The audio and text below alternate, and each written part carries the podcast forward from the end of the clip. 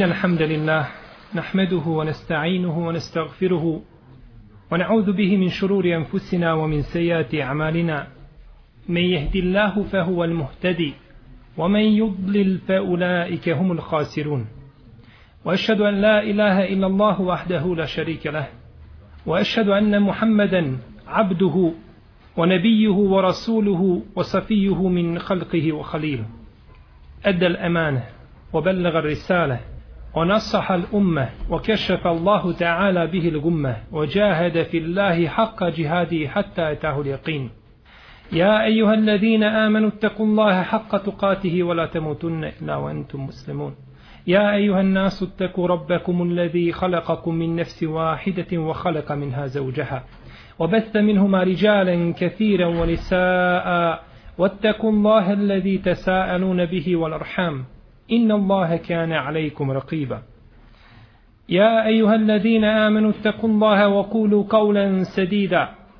يصلح لكم أعمالكم ويغفر لكم ذنوبكم. ومن يطع الله ورسوله فقد فاز فوزا عظيما. أما بعد فإن أحسن الكلام كلام الله وخير الهدي هدي محمد صلى الله عليه وسلم وشر الأمور محدثاتها وكل محدثة بدعة وكل بدعة ضلالة وكل ضلالة في النار Neka je neizmjena hvala našem uzvišenom gospodaru Tebarak je Teala koji je kazao u svojoj časnoj knjizi Fe in amenu bi misli ma amentum bihi fe kad ihtedevu A ako oni povjeruju u ono u šta vi vjerujete onda će biti na pravom putu Wa in tawallau fa innama hum fi shiqaq. Sejekfikehumullah. Wa huwa as-sami'ul alim. A ako se okrenu i ako ne budu učinili ono što vi činite i ne budu vjerovali ono u što vi vjerujete Allah će tebe o Allahov poslanice sallallahu alejhi ve alihi ve sellem zaštititi od njihova zla. A Allah u istinu sve čuje i sve zna i neka je salavat i selam na našeg poslanika Muhammeda sallallahu alaihi wa alihi wa sallame koji je kazao inni terektukum ala al-bejda lejluha ke nehariha la jezigu anha ba'di illa halik. Ja sam vas ostavio na milletu na uputi čistoj i jasnoj noći njene su kao dani neće skrenuti sa ovoga puta, neće skrenuti sa ove upute osim prava propalica i pravi nesretnik. Iz citiranog ajeta možemo zaključiti da uzvišeni Allah te bareke o teala hvali ashabe poslanika sallallahu alaihi wasallame. Fe in amenu bi misli ma amentum bihi faqad ihtadaw. A ako oni, to jeste nevjernici, mušrici i svi drugi kafiri povjeruju u ono u šta vi vjerujete. Kome se Allah te barake o tala obraća ovim ajetom? Obraća se ashabima jer su oni tada bili jedini vjernici u to vrijeme. Ako oni povjeruju ono u šta vi vjerujete, onda će biti na uputi. A ako se okrenu, samo će sebi zlo namijeti. Niti, neće poslaniku sallallahu sallam niti vjernicima. A u citiranom hadisu koga je zabilježio imam Ibn Mađe u svome sunanu, ima Mahmed u svome musnedu se vjerodostojnim lancem prenosilaca poslanik sallallahu alaihi wasallam ukazuje nam na čistoću i na jasnoću ove vjere. Da niko ne bi pomislio da u vjeri ima nešto nejasno nešto krnjavo nešto što treba upotpuniti nečim pa da se ne bi niko prevario pa da uvodi u vjeru ono što Allah Đelšanu nije dozvolio da se u nju uvodi. Znači vjera čista i jasna u vrijeme poslanika sallallahu alaihi wasallame. I nakon toga nema pravo niko više da dođe pa da uvodi nešto u vjeru i da govori da je nešto od Allaha Đelešanu ili od poslanika sallallahu alaihi wasallame ili da to smatra pohvalnim činiti. Mi smo u nekoliko prethodnih izlaganja govorili o novotarijama, o uvedenim stvarima o vjeru. Govorili smo o opasnosti koje prouzrokuje ili opasnostima koje prouzrokuju novotarije. govorili smo o stavu islamskih učenjaka prema novotarima i spominjali smo neka sporedna pitanja koja se vežu za novotarije. Spominje šehol Islam Ibn Taymije u svome dijelu El Furqan na 49. stranici kaže da je rekao šejh Ebu Suleiman Ebdarani. Kaže ja ponekad hoću da učinim neko dijelo ili da kažem neku stvar padne mi to na moje srce.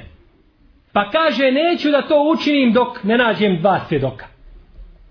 Jel tako riječ se ne prihvataju bez dva svjedoka? Dva muškarca ili muškarac i dvije žene. Ja kaže to neću da učinim bez dva svjedoka. Bez Kur'ana i bez sunneta. Kada mi potvrde to što sam naumio, Kur'an i sunnet, onda učinim, onda učinim dotišao djelo. E to je, braće, ona razlika gdje se razlikuje ehlu sunnet i oni koji slijede kitab i sunnet od novotara. Jer novotar ne traži dokaz ni u Kur'anu ni u sunnetu, ni u riječima ashaba, ni u konsensusu islamskih pravnika, već traži dokaz u svome srcu. Šta mu njegovo srce kaže, to je hajdi, to je dobro. Tu je razlika. Jer novotari, braćo, dolaze sa čudnim hadisima, čudnim pričama, čudnim propisima, sve je kod novotara čudno. Jer su oni sami čudni. Jer su oni sebi dali pravo zakonodavca. Da oni propisuju ono što Allah Đelšanu nije dozvolio. To je ono, braćo, što privlači mase. Jer mase privlači nešto novo i nešto čudno. Oko toga se mase okupljaju. Kada spomenete hadis koji se nalazi u Buharinoj i muslimoj hadiskoj zbirci, niko ne obraća pažnju. Kada se spomene hadis koji se navodi u knjigama istorije, koji su pisane u 6., 7. ili 8. hidrskom stoljeću, svako se prihvati tog hadisa i priča se o tome hadisu. A on hadis neispravan ili je lažan i slično tome.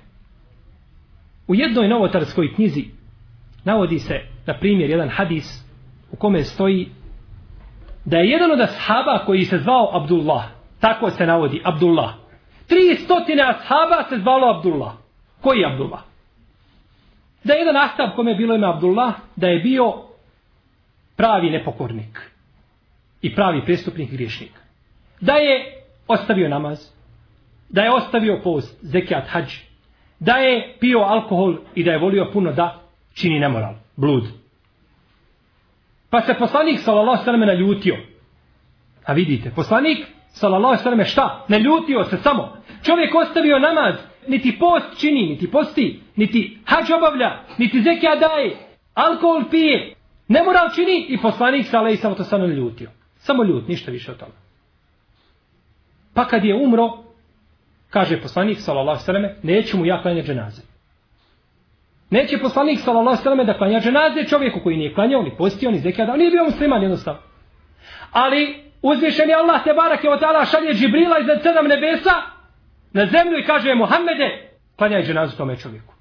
Ne bi poslanik sallallahu sallam klanjao, ali dolazi emr i naredba iznad sedam nebesa, moraš mu klanjati dženazu. Pa staje Allahov poslanik, ali i sallam, da klanja dženazu čovjeku pađiru i pasiku. Ne bi on to, ali mora. Naredba. Kada je Allahov poslanik, alaihi salatu veselam, klanjao dženazu i kada su ga spustili u kabur, vidio je hurike kako se natječu. I svaka viće, uzmi mene, uzmi mene. Hurijske se natječu oko čovjeka, fađira i fasika koji ne klanja, koji ne posti, koji hađ nije obavio, koji nemoral čini, koji alkohol pije, pijanica, oko pijanice hurike se natječu. Ove naše hurike, dunjalučke ove, od zemlje, one ne vole pijanica. Ima li žena na Dunjaluku da voli pijanicu? Ima li žena na Dunjaluku da voli da je njen muž nemoralan? Da ide kod drugih žena i da pare troši sa drugim ženama? Ili u alkoholu se što me? To ne vole najgore žene. A da vole to hurike? Kada je poslanik sallallahu sallam to vidio kako se hurike natječu, još se više povećala njegova ljubomora. Allahu poslanik alaihi sallam koji ima najuzvišenije mjesto u džennetu, nikoga neće imati od ljudi, ljubomoran na toga ashaba. Pa je otišao sutradan kod njegove žene da pita ko je taj čovjek bio. Kaže, ta njegova žena, o Allahov poslaniće, tako mi Allaha kaže, nije nikada klanjao. Niti je postio, niti je zekija davao, niti je hađ obavio. Volio je nemoral, volio je alkohol, volio je, volio je. Znači, nijedan hajr nije činio, a svako je zlo činio. No međutim, Allahov poslaniće, kada bi došao prvi dan u Ređepu, e, ovo vam je, braću, prvi znak novotarije, jedan dan u godini, dan majki, dan ovaj, dan onaj, jedan dan da se učini da je to vjera. Kaže, kad bi bio prvi dan u Ređepu, on bi uzeo i klanjao dva rekiata. Očistio bi svoje srce, stao i klanjao dva rekiata. Tokom cijele godine ne klanja i onda klanja dva rekiata čisto iz srca. Kao ona jedan kad su ga pitali, kaže, kaže, klanjaš od tih pet vakata? Kaže, ne klanjam. Ali kaže, kada ga klanjam, onda ga klanjam. Tako i ovaj. Klanja dva rekiata, Allahu Đelešanu iz srca. I prouči dovu koja spominje se u toj knjizi na četiri stranice. A nigdje u sunetu nema dove na četiri stranice. Dova na četiri stranice. Težavaju ljudima vjeru. Kad lažu na Allaha Đelšanu na poslanika sallallahu sallame, da bar lažu na način koji je nekako logički prihvatljiv. Gledao sam knjige, brošure koje se dijele na repatu po 18 stranica jedna dova. To nigdje nema u sunetu poslanika sallallahu alaihi wa sallam. Pa bi proučio tu dovu, koju poslanik alaihi sallallahu sallam naravno nije znao. Pa ga je pijanica poučio. Poučio ga je dovi. Pa je Allahov poslanik sallallahu alejhi ve sellem rekao. Ko hoće da dobije nagradu Ibrahim a.s. i Musa a.s. i Nuha i Isa i Muhameda neka prouči ovu dovu. Neka klanja dva rekiata kada dođe prvi dan Ređepa i neka prouči ovu dovu. Neka dobije nagradu, čiju nagradu? Ulul azmi mine rusul, pet najboljih poslanika. Ovo znači da poslanik, sallallahu alaihi sallam, podstiče ljude, ostavite namazi, posti, zekijati, hađ, a kada dođe prvi dan mjeseca Ređepa, onda postupite ovako i sve će biti oprošteno. E ovo vam je, braćo, kršćanski način opraštanja grijeha. Jedan dan u godini, jedan dan u sedmici, jedan ovakav ili onakav, crni ili bijeli i da sve to bude oprošteno, a da se vjera odvoji od života i da nema nikakve veze sa životom. Da si ti musliman samo jedan, jedan dan u sedmici, bilo na džumi, bilo da si jedan dan u godini na Bajramu i o tome, no međutim nemoj biti musliman 24 sata. Brojne su braćo novotarije koje se vežu za ređep. Povodom toga neki islamski učenjaci su napisali povo, posebna djela. Posebna djela su napisali povodom toga mjeseca. Navodi se još da čovjek kada klanja prvu džumu u ređepu, da će mu biti oprošteno za svaki namaz koji ostavi, za svaki dan posta koji i slično tome. Da će mu biti sve dopušteno. A sve je to laž na Allaha te barak je teala i na poslanika sallallahu alaihi wa alihi wa sallam. Kazao je šehhul islam ibn Tejmije, rahimehullahu ta'ala, nećete nikada, kaže, naći čovjeka da je upao u bidat i novotariju, bilo svojom riječju ili svojim dijelom, a da prethodno nije ostavio i nije poznavao sunnet poslanika sallallahu alaihi wa alaihi wa sallam. Pa poznavanje sunneta ima u najmanju ruku dvije koristi što poznaješ ispravnu praksu i što će te ta praksa zaštititi od onoga što nije od vjere. Pa u svakom slučaju onaj ko poznaje sunnet je na dobitku i na hajru. Dok novotar, on ne poznaje sunnet i onda sam od sebe uvodi. I ako se vrati na mišljenje nekog učenjaka, onda hvata propuste određenih učenjaka i njihove iznimne fetve i iznimne riječi onda se njima koristi. Spominje imam Melbejheqi u svome Esunenul Kubra u desetom tomu na 211. stranici. Kaže, ušao je Ismail ibn Ishaq el Qadi, jedan Kadija, da je ušao kod El Mu'tedida, halife islamskog u to vrijeme, pa mu je taj halifa izvadio jednu knjigu u kojoj su skupljene sve olakšice u Leme ovaj dozvolio nešto od muzike, ovaj dozvolio nešto od alkohola, ovaj dozvolio od svile, ovaj dozvolio muta brak i slično tome iznimna mišljenja koja nisu nikako prihvatljiva. Kaže, evo te knjige. Kaže ovaj Ismail ibn Ishaq, autor ove knjige je, kaže, zindik. Autor ove knjige je nevjernik.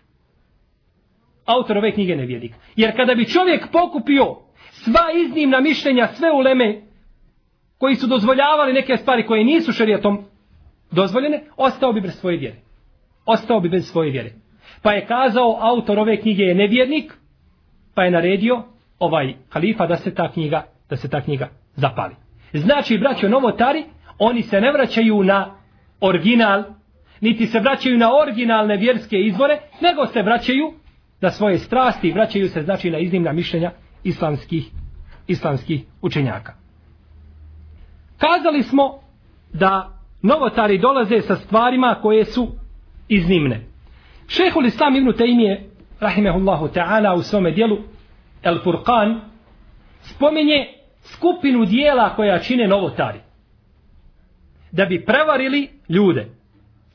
Kaže, ima od njih oni koji narede džinima da ih nose po vazduhu. I odnesu ih u daleko mjesto i vrate ih. Ima, kaže, od njih onih koji narede ili kažu lopovima gdje ima i metka za ukrsti. I uzmu za to protuvrijednost. Pa kaže, na primjer, ima toliko i toliko na tom mjestu da se ukrade, a ja od vas tražim nešto mizerno. Pa mu plate. Jer ga džin obavijesti šta ima tamo. Pa on dođe i onda time potpomaže u neprijateljstvu i u otimanju znači bespravedno i metka. Ima od njih koji dođu i pošalju svoje šeitane i oni im kradu pare. Pošalje šeitana svoga i on mu ukrade pare i donese mu. I to nije čudno. To je poznato još u vrijeme poslanika sallallahu alaihi wa alaihi wa sallam. Pa navodi imam Buharija u svome sahihu od Ebu Hureyre radijallahu ta'ala anhu da mu je poslanik sallallahu alaihi wasallam jedne prilike povjerio da čuva zekijatul fitr. Ono što se da, da čuva kod sebe. Pa je došao šeitan jedno veće, jedan od šeitana džina, pa ukrao nešto. Pa ga je uhvatio Ebu Hureyre kako krade. Pa ga je pustio. Pa je došao drugo veče, pa je isto tako učinio, pa ga je pustio. Ali je obavijestio poslanika, sallallahu alaihi sallam, šta čini taj džin. Pa kaže mu poslanik, alaihi sallam, šta si uradio sa njim? Kaže, pustio sam ga. I rekao je, kaže, obećao mi je da se neće više vratiti. Kaže, laže, opet će on doći. Pa je došao i treće veče. Kad ga je uhvatio treće veče, Ebu Hureyre, kaže, e sad si moj, sad te više neće pustiti. Kaže, pusti me, kaže, kazat ću ti, kaže, nešto veliko. Kazat ću ti veliku stvar. Pa je rekao, dobro, pustit ću te, kaže. Kaže, svako veće prije spavanja, prouči ajetul kursiju, ne može ti do sabaha ništa nauditi. Pa ga je pustio. Kada je došao poslaniku sallallahu alejhi ve sellem Ebu Hurajra i obavijestio ga šta je bilo, rekao je Allahu poslanik alejhi salatu ve selam: "Sadaqake wa huwa kadhub." Istinu ti je rekao, a on je lažov. Znači, šetan ti je kazao istinu, no međutim u osnovi svoje on je lažov. On ti je kazao istinu zato što je u toj istini njemu korist. Ali pogledajte pravednosti poslanika sallallahu alejhi ve selleme kada kaže sadaka ke ohuve ke zub istinu ti je rekao a on je lažov. Pa nije poslanik sallallahu alejhi ve selleme rekao da je samo šejtan lažov.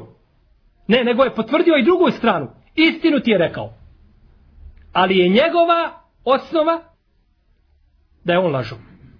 I da ljudima, znači, neće nikakvo dobro. Također spominje ovdje šehol Islam ibn Tejmije da ima onih ljudi koji pošalju šeitana da mu donese određenu hranu ili piće ili neko lijepo slatko jelo koje nema u to u tom mjestu ili u to doba godine i slično tome. Ima onih koga džin nosi po vazduhu do Meke. Odnese ga do Meke. Ovo braćo sve potvrđuje šehol Islam ibn Taimije. I kaže da je ove stvari on lično gledao. Kaže nosi ga, odnese ga do Meke ili do Bejtul Maktisa, do Kudusa ili na neko drugo mjesto. Gdje god hoće, odnese ga. Ima, kaže, onih koji budu odneseni na dan Arefata, samo na Arefat ga donese džin, boravi na Arefatu i vrati se nazad. U svojoj odjeći boravi na Arefatu. Niti je obukao i hrame na Mikatu, niti je Telbiju činio, niti je Tavav činio, ništa, nego samo dođe na Arefat i stoji na Arefatu. Ima onih također koji su oporučili, jedan od njih je oporučio kada umre, da ga niko ne kupa.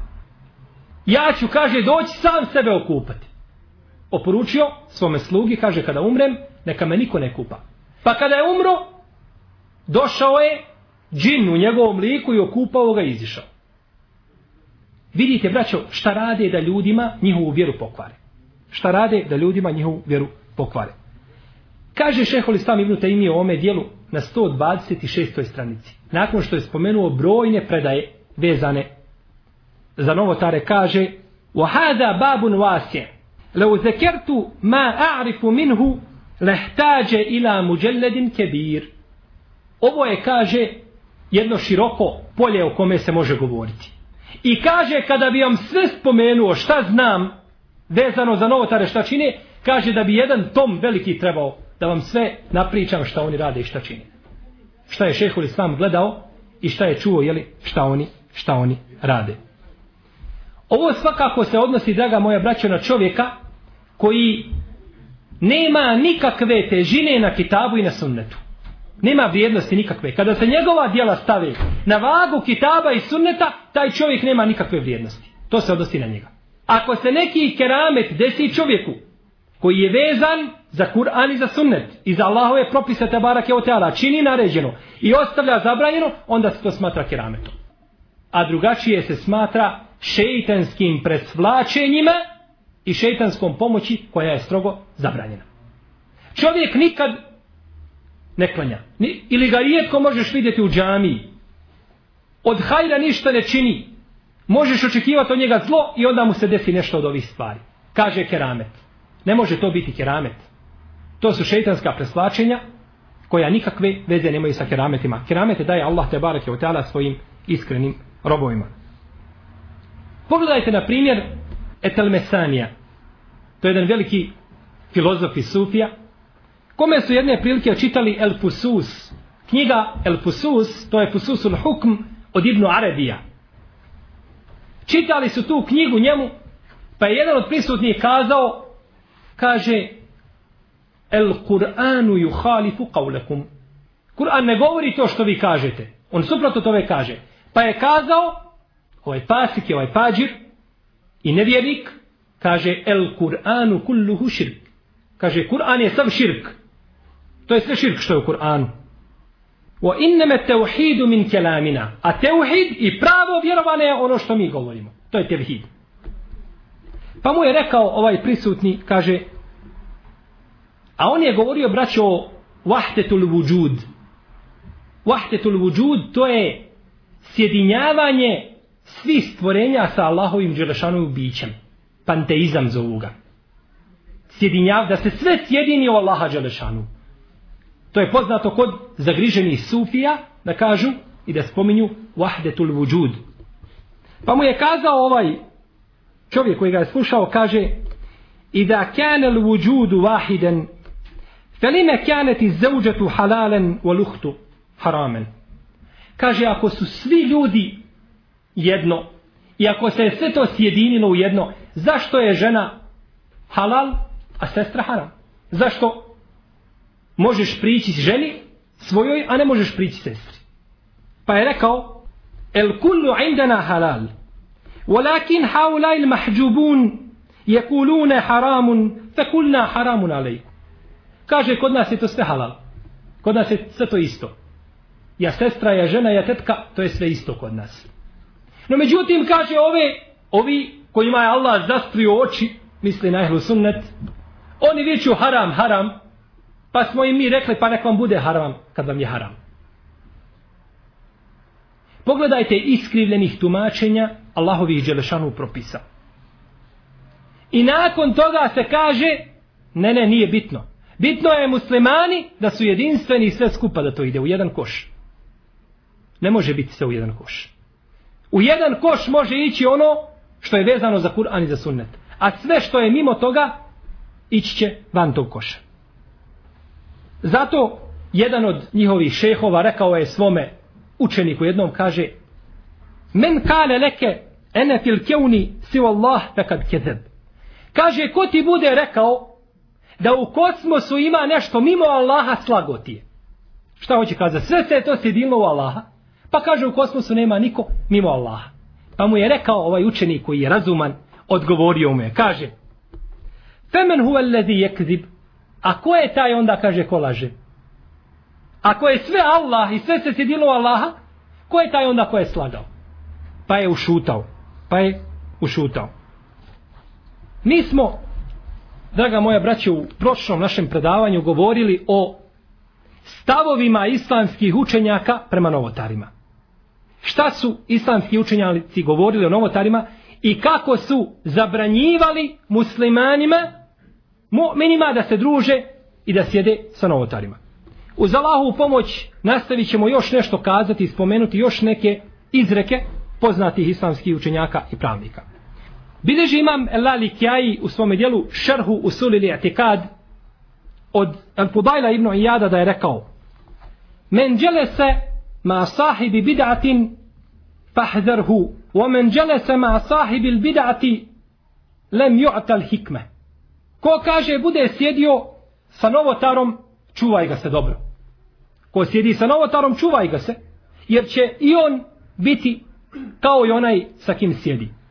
Ako bude sjedio sa novotarom, kaže takom, Allah Žešanu nikada neće dati hikmeta i nikada mu neće dati mudrosti. U drugoj predaji, isto kod Elali Kjaija, stoji da je El Fudail ibn Iyad rekao La teđlis ma sahibil bida ahbet Allahu amelehu wa ahređe nure l'islami min kalbi. Nemoj, kaže, sjediti sa novotarom, Allah je, kaže, poništio njegova djela i ugasio je svjetlo Islama u njegovom srcu. Šta ćeš sa takvim čovjekom? Koji nema dijela da valjaju, niti ima svjetla Islama. Bileži imam El Bejhaqi u Šu'bu Limanu i Ebu Nuaym u El Hilije od imama El Uzaije da je rekao kaže Jahja ibn Ebi Kethir Ida laqite sahibe bid'atin fi tariqin fehud fi tariqin ahar. Kaže, kada sretneš novotara na putu, na jednom kraju puta ti bježi na drugi. Ti bježi na drugi dio puta. Zašto, braće? Zašto čovjek kada sretne novotara treba bježati? Svaka riječ od novotara je šubha i sumnja koja će kanuti u tvoje srce. Novotar te sretne, neće ti kazati boj se Allaha. I neće te podsjetiti da zikriš niti da Allahu Đelešanu i badet činiš, nego će ti kazati, upitat će te na primjer, jer je Allah svemoćen. Pa ćeš mu kazati, jeste, sigurno, Allah je svemoćen. Pa će ti kazati, u redu. Ako je Allah Đelešanu svemoćan, je li Allah moćan da stvori još jednog Boga kao što je on? Šta ćeš mu odgovoriti? Ako mu kažeš nije moćan Allah žešan da stvori još jednog Boga, znači ima stvar koju Allah ne može. Znači nije Allah sve moćan. A ako mu kažeš moćan je da stvori Boga kao sebe, znači Bog može biti stvoren. Znači Bog da može biti stvoren. A to je nemoguće. Jer stvorena mogu biti samo stvorenja. A Bog je od uvijek i za uvijek. Nema početka i nema kraja. Šta god da odgovoriš, pogrešćeš. E tako ćete novotaru pitati da ne bi neko pomislio, a kako mi onda njemu da odgovorimo ako nas tako upita? Molite prvo Allaha Đelešanu da vas niko ne pita tako. Jer je to, braćo, prvo pogrešno pitanje. To je pogrešno pitanje. Pogrešno je pitati da li Bog može biti stvoren. A na pogrešno pitanje nema odgovora. Na pogrešno pitanje se ne daje odgovor. Odgovor se daje samo na ispravno, na ispravno pitanje. Bideži opet imam El Bejheke u Šobu Limanu i ovu predaju spominje imame Zehebi u Sijeru Alaminu Bela u osmom tomu na 399. stranici. Kaže Abdullah ibn Mubarek je kunu međlisuke ma'al mesakin wa ijake en teđlise ma sahibi bidah. Kaže, sjedi uvijek i budi u društvu sa siromašnima, sa miskinima, sa Allahovim pokornim robovima, a nemoj se družiti i nemoj sjediti i nemoj sjediti sa novotarima. I bideži imam El Lali Kjaj od imama El Hasana El Basrija da je rekao Sahibu bidatin la yakbelu Allahu lehu salaten wala sijamen wala hađen wala umreten wala džihada. Allah Želešanu kaže ne prima od novotara niti namaza, niti posta, niti hađa, niti umre, niti džihada. Ništa. Ništa Allah Žešan ne prima od novotara. A u drugoj predaji Lali Kjaija kaže Hasan al-Basri La yakbelu Allahu min sahibil bid'a še'a. Allah ne prima ništa od novotara. Apsolutno ništa. Šta god da učini, znači to uzvišeni Allah te barake o teala neće, neće primiti od novotara. Bideži imam Ebu Nuaym u Hilijetul Eulija da je Ejub Esihtijani rekao Ma zdade sahibu bid'atin ijtihaden illa zdade min Allahi bu'da. Novotar što god više ijtihadi i što god više nastoji dijela da učini od svojih novotarija, sve se više udaljava od Allaha te barake wa ta'ala. Dakle, najbolji hal u kome se može naći novotar je koji? Kada spava. Kada je na spavanju. Tada ne griješi. Tada griješe drugi za njega. Oni koje je poučio toj novotariji. No međutim, što god više znači ibadeta čini u toj svojoj novotariji, toga se više udaljava od Allaha te barake o ta'ala. Prenosi imam Meleka Sarani u Tezkiratul Hufaz, Ibn Džauzi u Talbisu Iblis, Ebu Nuaym, imam Zahebi u Sijeru, kažu Merida Sulejman Etemini, kažu obolio je ili bio je na smrtnoj postelji Sulejman Etemimi, to je jedan tabin koji je čuo Enesa ibn Malika i druge, za koje imam Eleuzaji kaže trojica su hafizi i najučeniji u Basri. To su Sulejman Etemimi, Asim el Ahval i Davud ibn Abi Hind. To su tri najučenija čovjeka jeli, u Basri. Umro je 143. iđeske godine, čuo je Enesa ibn Malika i neke druge ashabe. Kažu ovi da je obolio jeli, Temimi, Etemimi, Febekja fi maradihi bukaen šedida. Pa je plakao, gorko je plakao na smrtoj postelji. Pa kila lehu, pa su mu rekli, ma kik, e težzao minel meut, što plačeš? Jer se bojiš smrti. Pa je rekao, la. Walakinni marartu ala qadarijin fasalamtu alejhi fa khafu an yuhasibani rabbi alejhi. Kaže ne bojim se smrti, nego kaže ja sam jednog dana prošao pored kaderije. Koga sam kaže poselamio. Pa se bojim da me Allah Đelešanu ne bude obračunavao zbog toga što sam ga poselamio. Boji se da mu Allah Đelešanu ne učini konačnicu u vatri džahenimskoj zbog toga što je poselamio kaderiju. Bileži Ibnu Hani, Enej Saburi, u svome dijelu El Mesail, u drugom tomu, na 153. stranici od imama Ahmeda, sujle je imamu Ahmedu, an ređulin mubtedi'in da'ijetin ila bid'atihi, e juđales, fe kal la juđales, vola jukellem la'allahu yarji'. Pitanje kaže imam Ahmed o čovjeku novotaru koji poziva svoju novotariju Hoće li se sjediti sa njim? Pa je kazao ne, nećeš sjediti sa njim, niti ćeš razgovarati sa njim, ne bili se, ne bili se vratio. I bideži imam Dulabi u svome dijelu El Kuna u Lesma u drugom tomu na 166. stranici. Kaže, sreo je Abdullah ibn Ebi Zekerija Šami Gajlana. Pa se okrenuo od njega. Pa mu je rekao, ja eba Jahja. O Ebu Jahja, dozvao ga je, šta ti je, zbog čega se okrećeš? Pa je rekao, tako mi Allaha, nikada ja i ti nećemo pod jedan krov zajedno, osim u džamiji. Jedan krov mene i tebe neće sastaviti, osim džamija. Iz džamije ne mogu pobjeći, jer je džamija Allahova kuća i tu ima pravo da uđe svaki vjernik. Taman bio oni novotar. No međutim, drugi krov, osim džamije, nas dvojice neće, neće spojiti. I bileži imame Lukajli u svome dijelu Eduafa da je Seur ibn Jezid el Kelai koji je bio kaderija sreo imama Eleuzaiju. Pa mu je pružio ruku da se poselami sa njim. Da se poselami sa imamom Euzaijom. Pa je odbio imam Euzaija da se poselami sa njim. Pa mu je kazao ja Seur innehu leu kjaneti dunja kjaneti il mukarabe ولكنه din o kaže Seuru da se radi o Dunjaluku kaže ja i bi ti se mogli približiti. Mogli bi znači ja i ti zajedno da se radi o Dunjaluku o nekoj Dunjaluškoj stvari. No međutim kaže to je vjera i to je din. Kaže Hamad ibn Zaid bio sam kaže sa Ejubom i Junusom i ibn Aunom. Pa je kaže pored njih prošao Amr ibn Ubejd koji je bio Mu'tezilija. Pa ih je poselamio, kaže pa su se okrenuli, pa su se okrenuli nisu htjeli i nisu htjeli da ga poselame. Vidimo, draga moja braćo, kako su islamski učenjaci odbijali da sjede i da se druže sa novotarima. A sve to, draga moja braćo, u cilju da čovjek zaštiti svoju vjeru, da zaštiti svoj din.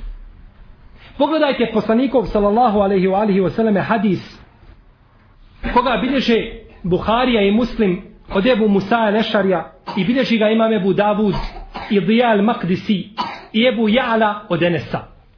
Poznati hadis u kome poslanik sallallahu alaihi wa alaihi wasallam kaže primjer lijepog društva i primjer ružnog društva je kao primjer čovjeka koji nosi mis i čovjeka koji nosi vatrenu baklju.